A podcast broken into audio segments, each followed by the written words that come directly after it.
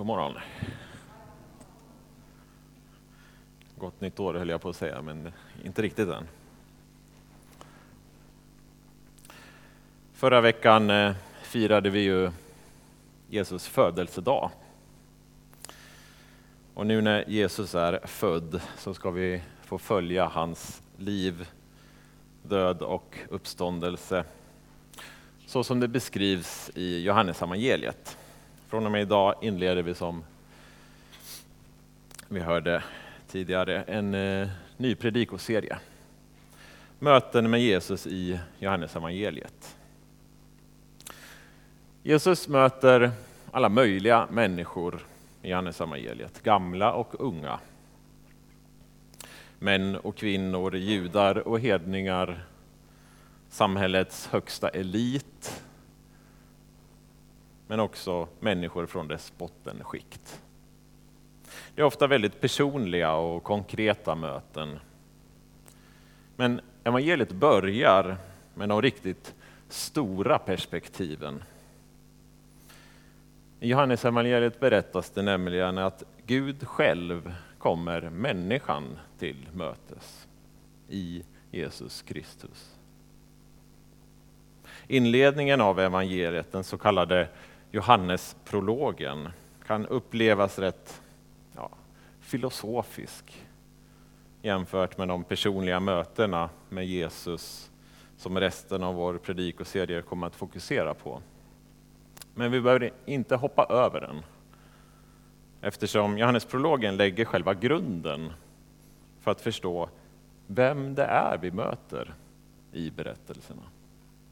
Alltså vem den eh, Jesus är. Så jag tänkte att vi läser igenom prologen i dess helhet först.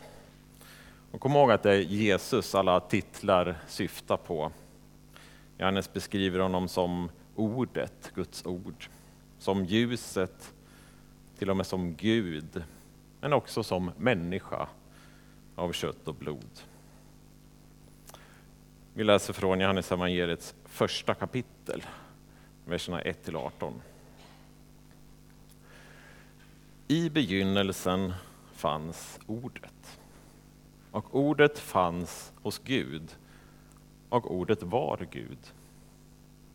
Det fanns i begynnelsen hos Gud. Allt blev till genom det, och utan det blev ingenting till av allt som finns till. I ordet var liv, och livet var människornas ljus. Och ljuset lyser i mörkret, och mörkret har inte övervunnit det. Johannes inleder med samma ord som Första Moseboks skapelseberättelse. Där kan vi läsa att i begynnelsen skapade Gud himmel och jord. Därefter blir allting till genom att Gud talar fram skapelsen ur mörkret. Så när Johannes skriver att i begynnelsen fanns ordet, så sammankopplar han med andra ord Jesus med världens skapelse. Vi fortsätter. Det kom en man som var sänd av Gud. Hans namn var Johannes. Alltså Johannes döparen, inte författaren till Johannes evangeliet. Han kom som ett vittne för att vittna om ljuset så att alla skulle komma till tro genom honom. Själv var han inte ljuset, men han skulle vittna om ljuset. Det sanna ljuset som ger alla människor ljus skulle komma in i världen. Han var i världen och världen hade blivit till genom honom, men världen kände honom inte. Han kom till det som var hans, och hans egna tog inte emot honom. Men åt dem som tog emot honom gav han rätten att bli Guds barn, åt alla som tror på hans namn. Som har blivit födda, inte av blod, inte av kroppens vilja, inte av någon mans vilja, utan av Gud. Och nu kommer en av Bibelns allra mest omtalade verser. Och ordet blev människa och bodde bland oss. Och vi såg hans härlighet, en härlighet som den enda sonen får av sin fader och han var fylld av nåd och sanning. Johannes vittnar om honom och ropar, det var om honom jag sa, han som kommer efter mig går före mig, ty han fanns före mig. Av hans fullhet har vi alla fått del med nåd och åter nåd. Till lagen gavs genom Mose, men nåden och sanningen har kommit genom Jesus Kristus. Ingen har någonsin sett Gud, den enda sonen, själv Gud, och aldrig nära Fadern. Han har förklarat honom för oss. Huh. Det är rätt mycket att ta in på en gång så här. I för övrigt så här man inte ska göra när man predikar, läsa ett gigantiskt sjok av text. Men eh, det är sånt som händer. Jag har sett fram emot att få predika om just Johannesprologen. Det säger kanske någonting om min personlighet. Men samtidigt inser jag hur svårt det är att göra texten rättvisa. Det är som så mycket annat här i världen. Ju mer vi lär oss om någonting, desto mer inser vi hur mycket vi inte förstår. Fast jag tror inte att Johannes skrev inledningen till sitt evangelium för att liksom avskräcka sina läsare. Utan snarare för att vidga våra perspektiv. För att vidga vår syn på vem Jesus är. Så jag tror vi kan vara frimodiga när vi läser. Men en sak vi kanske bör vara lite försiktiga med är att läsa in de andra evangelierna i Johannesprologen. Matteus och Lukas evangeliet börjar ju med att Jesus föds av jungfru Maria. Men det är långt ifrån självklart att det är Jesus födelse eller bebådelsen som Johannes har i tankarna när han skriver att ordet blev människa. Eller att ordet blev kött, bokstavligt översatt. Att ordet inkarneras, att ordet blev kött, verkar syfta på något mycket större än enbart Jesu födelse. För Johannes verkare handlar om vad en sann människa är. Så jag kommer att återkomma i slutet till vad inkarnationen innebär för en kristen människosyn. Men innan dess vill jag säga några ord om ordet. Därefter stannar vi upp vid ljuset. Och så till sist inkarnationen, att Gud blev människa. Men låt oss börja med ordet. I Bibelns allra första bok, i skapelseberättelsen, verkar det gudomliga ordet representera Guds aktivitet. Gud talar och saker sker. Var det ljus, ljus blir till och ljus blir till. Gud talar även till sina profeter i Gamla testamentet. Herrens ord kom till Jesaja, kan det stå. Eller kom till Jeremia eller Hesekiel. Vad, eller kanske vi bör fråga vem, är detta gudomliga ord som både är verksamt i skapelsen och som kommer till Gamla testamentets profeter. Kan det vara ordet som blev människa och bodde bland oss? Johannes verkar hävda att så är fallet. Han skriver ju att allt blev till genom ordet och utan det blev ingenting till av allt som finns till. Och med ordet syftar han som sagt på Jesus. Men han skriver också att i ordet var liv och livet var människornas ljus. Så låt oss fundera en vända kring ljuset också.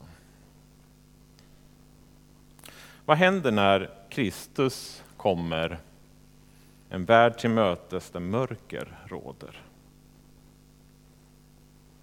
där lögner och våld härskar?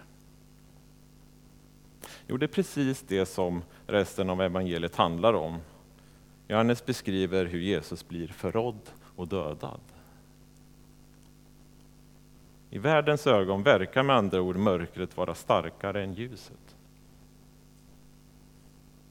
När vi läser eller ser på nyheterna, eller när lidandet drabbar oss personligen, slås vi kanske av liknande tankar. Mörkret verkar så mäktigt. Men trots att Jesus, som sägs vara ljuset, blev förrådd genom lögner och dödad genom våld, så hävdar Johannes att ljuset lyser i mörkret. Och mörkret inte har övervunnit det. Mörkret verkar ofta så mäktigt, men faktum är att det är ljuset som övervinner mörkret. Inte tvärtom. Alla vet vi ju vad som händer om vi tar med oss ett levande ljus ner i en mörk källare. Det är som bekant inte mörkret som betvingar ljuset. Det är tvärtom ljusets strålar som lyser upp mörkret. Ljuset är med andra ord starkare än det mörkaste mörker. Det är en sanning som kan vara smärtsam att inse. Eftersom det ibland finns saker i våra egna liv som vi helst skulle vilja gömma undan. Kanske vi skäms över dem. Kanske vi hellre ser att de förblir höljda i dunkel. Trots att vi innerst inne vet vad det är i våra liv som behöver genomlysas. Jesus säger själv att han är världens ljus. Och att den som följer honom inte ska vandra i mörkret utan ha livets ljus. Så att följa Jesus, även om det är med väldigt stapplande steg, innebär att låta honom upplysa oss genom sin ande, sanningens ande. Så att vi får syn på oss själva under våra masker. Kanske några av oss bär på en rädsla för att liksom bli avslöjade av vår omgivning. Att bli genomskådade. Ibland beter vi oss nog som Adam och Eva i Edens trädgård. De gömde sig bland träden när de hörde Herren Gud ropa på dem. De dolde sin nakenhet, sina sanna jag för varandra med fikonlöv. Men Guds ljus är ingenting vi behöver vara rädda för. Jesus kommer nämligen inte enbart med sanningen om oss, utan även med nåden för oss. Nåd och åter nåd, skrev ju Johannes.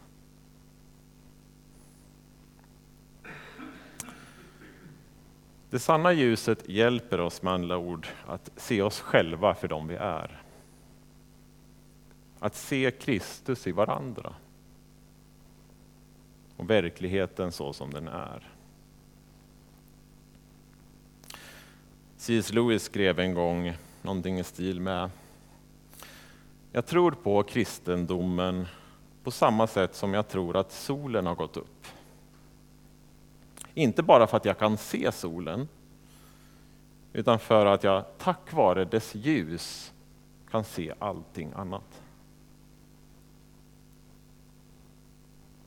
Den här distinktionen mellan att se på honom som är ljuset och se längs med Kristi ljus. Fångar Lewis i en liknelse om en solstråle i en verktygsbod. Artikeln publicerades sommaren 1945, alltså direkt efter andra världskrigets slut i Europa. Han skrev så här om ljuset. Idag stod jag i en mörk verktygsbod. Solen sken utanför och en stråle av ljus lyste in genom springan ovanför dörren. Från platsen där jag stod var ljusstrålen som verkade bestå av svävande dammkorn det mest iögonfallande i hela rummet. Allt annat låg i mörker. Jag såg med andra ord själva strålen, inte något annat med hjälp av strålens ljus. Därefter flyttade jag mig så att ljusstrålen träffade mina ögon. Då försvann plötsligt min tidigare syn. Jag såg inte längre någon verktygsbod utan gröna löv som vajade på ett träd. Och 15 miljoner mil där bortom, solen. Att titta längs med ljusstrålen och att titta på den är två väldigt olika upplevelser. Johannes döparen vittnade om ljuset och uppmanar oss alla att rikta våra blickar mot Kristus. Se, Guds lamm, ropar han. Men vi behöver också våga ta det där steget in i ljuset. Liksom kliva in i den himmelska ljusstrålen för att upptäcka att verkligheten är både större och vackrare än våra verktygsbodar.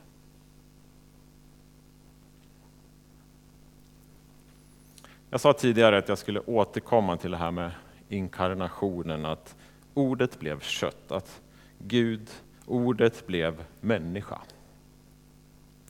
Så jag tänkte avsluta med att säga något om inkarnationen.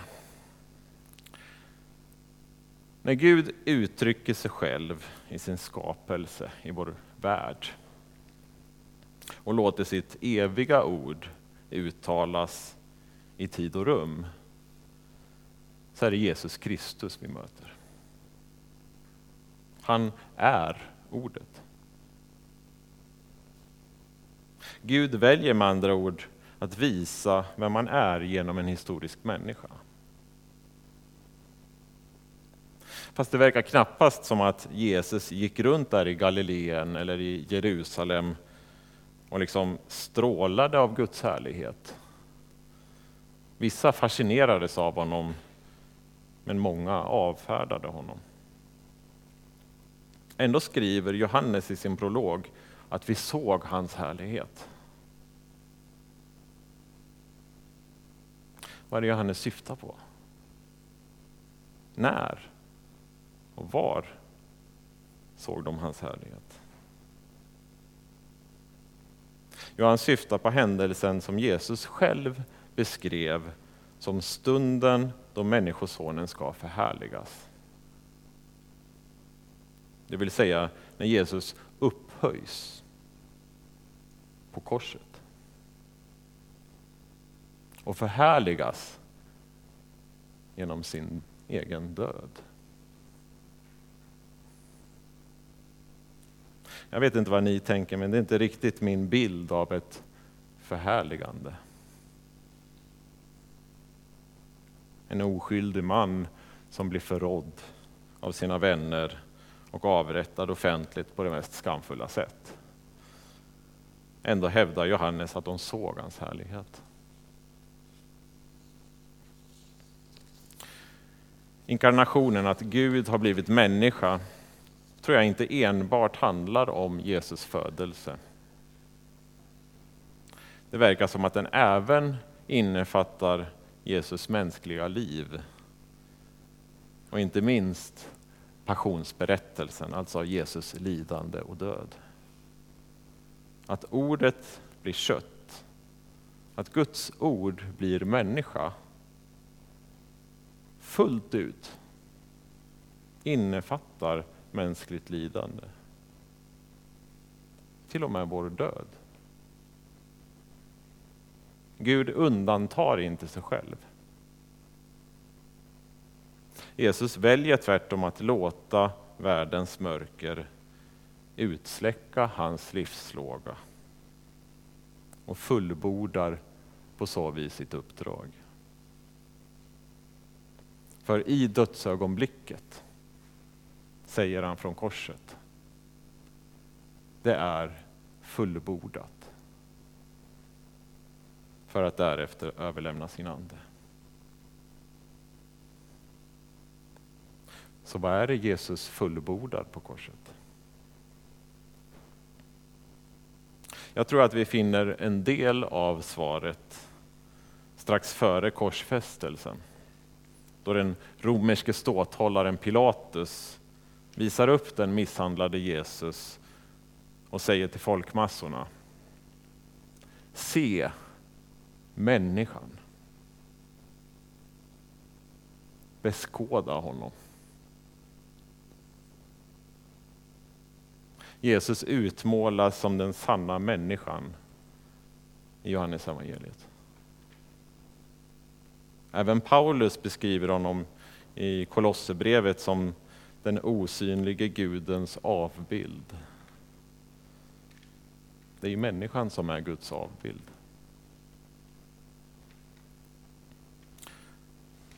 Så vad är det som händer där på korset när ordet blir människa fullt ut? Teologen John Baer har formulerat det så här. Genom sitt lidande och sin död blir han som människa det som man som Gud alltid är. Genom sitt lidande och sin död blir han som människa det som man som Gud alltid är.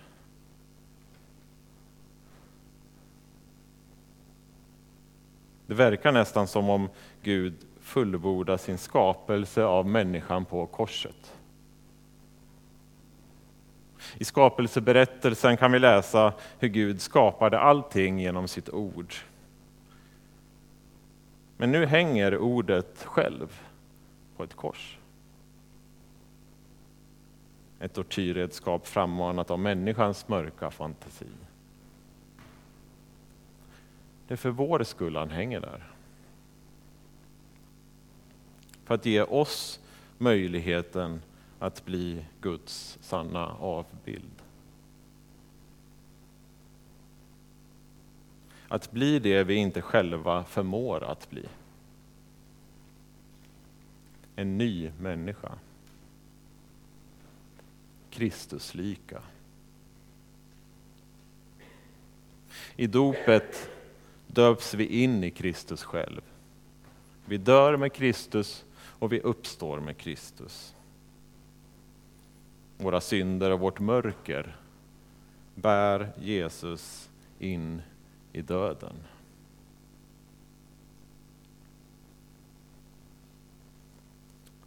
Jag undrar ibland, kanske är det så att när vi lägger en sten vid korset i våra bönestunder så lägger vi ännu en börda på Jesus. Han hänger på korset framför oss och säger Kom till mig. Låt mig bära era bördor, era synder, ert mörker. Låt mig bära allt. Låt det begravas med mig.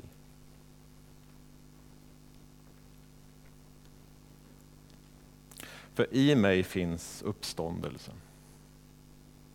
Jag är uppståndelsen och livet, säger Jesus. Den som tror på mig ska leva om han än dör. Och den som lever och tror på mig ska aldrig någonsin dö. Ordet har blivit människa. Det är fullbordat. Och Jesus böjde ner huvudet och överlämnade sin ande.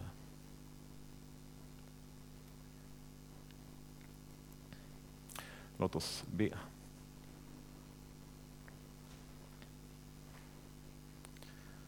Tack Gud för att du sänder din son till världen.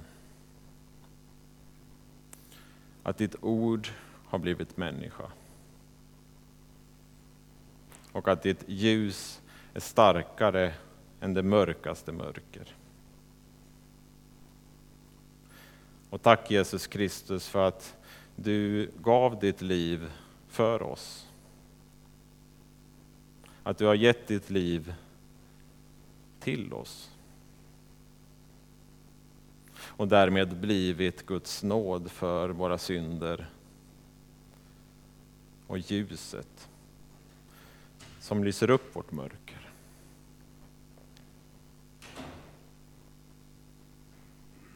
Tack för din barmhärtighet.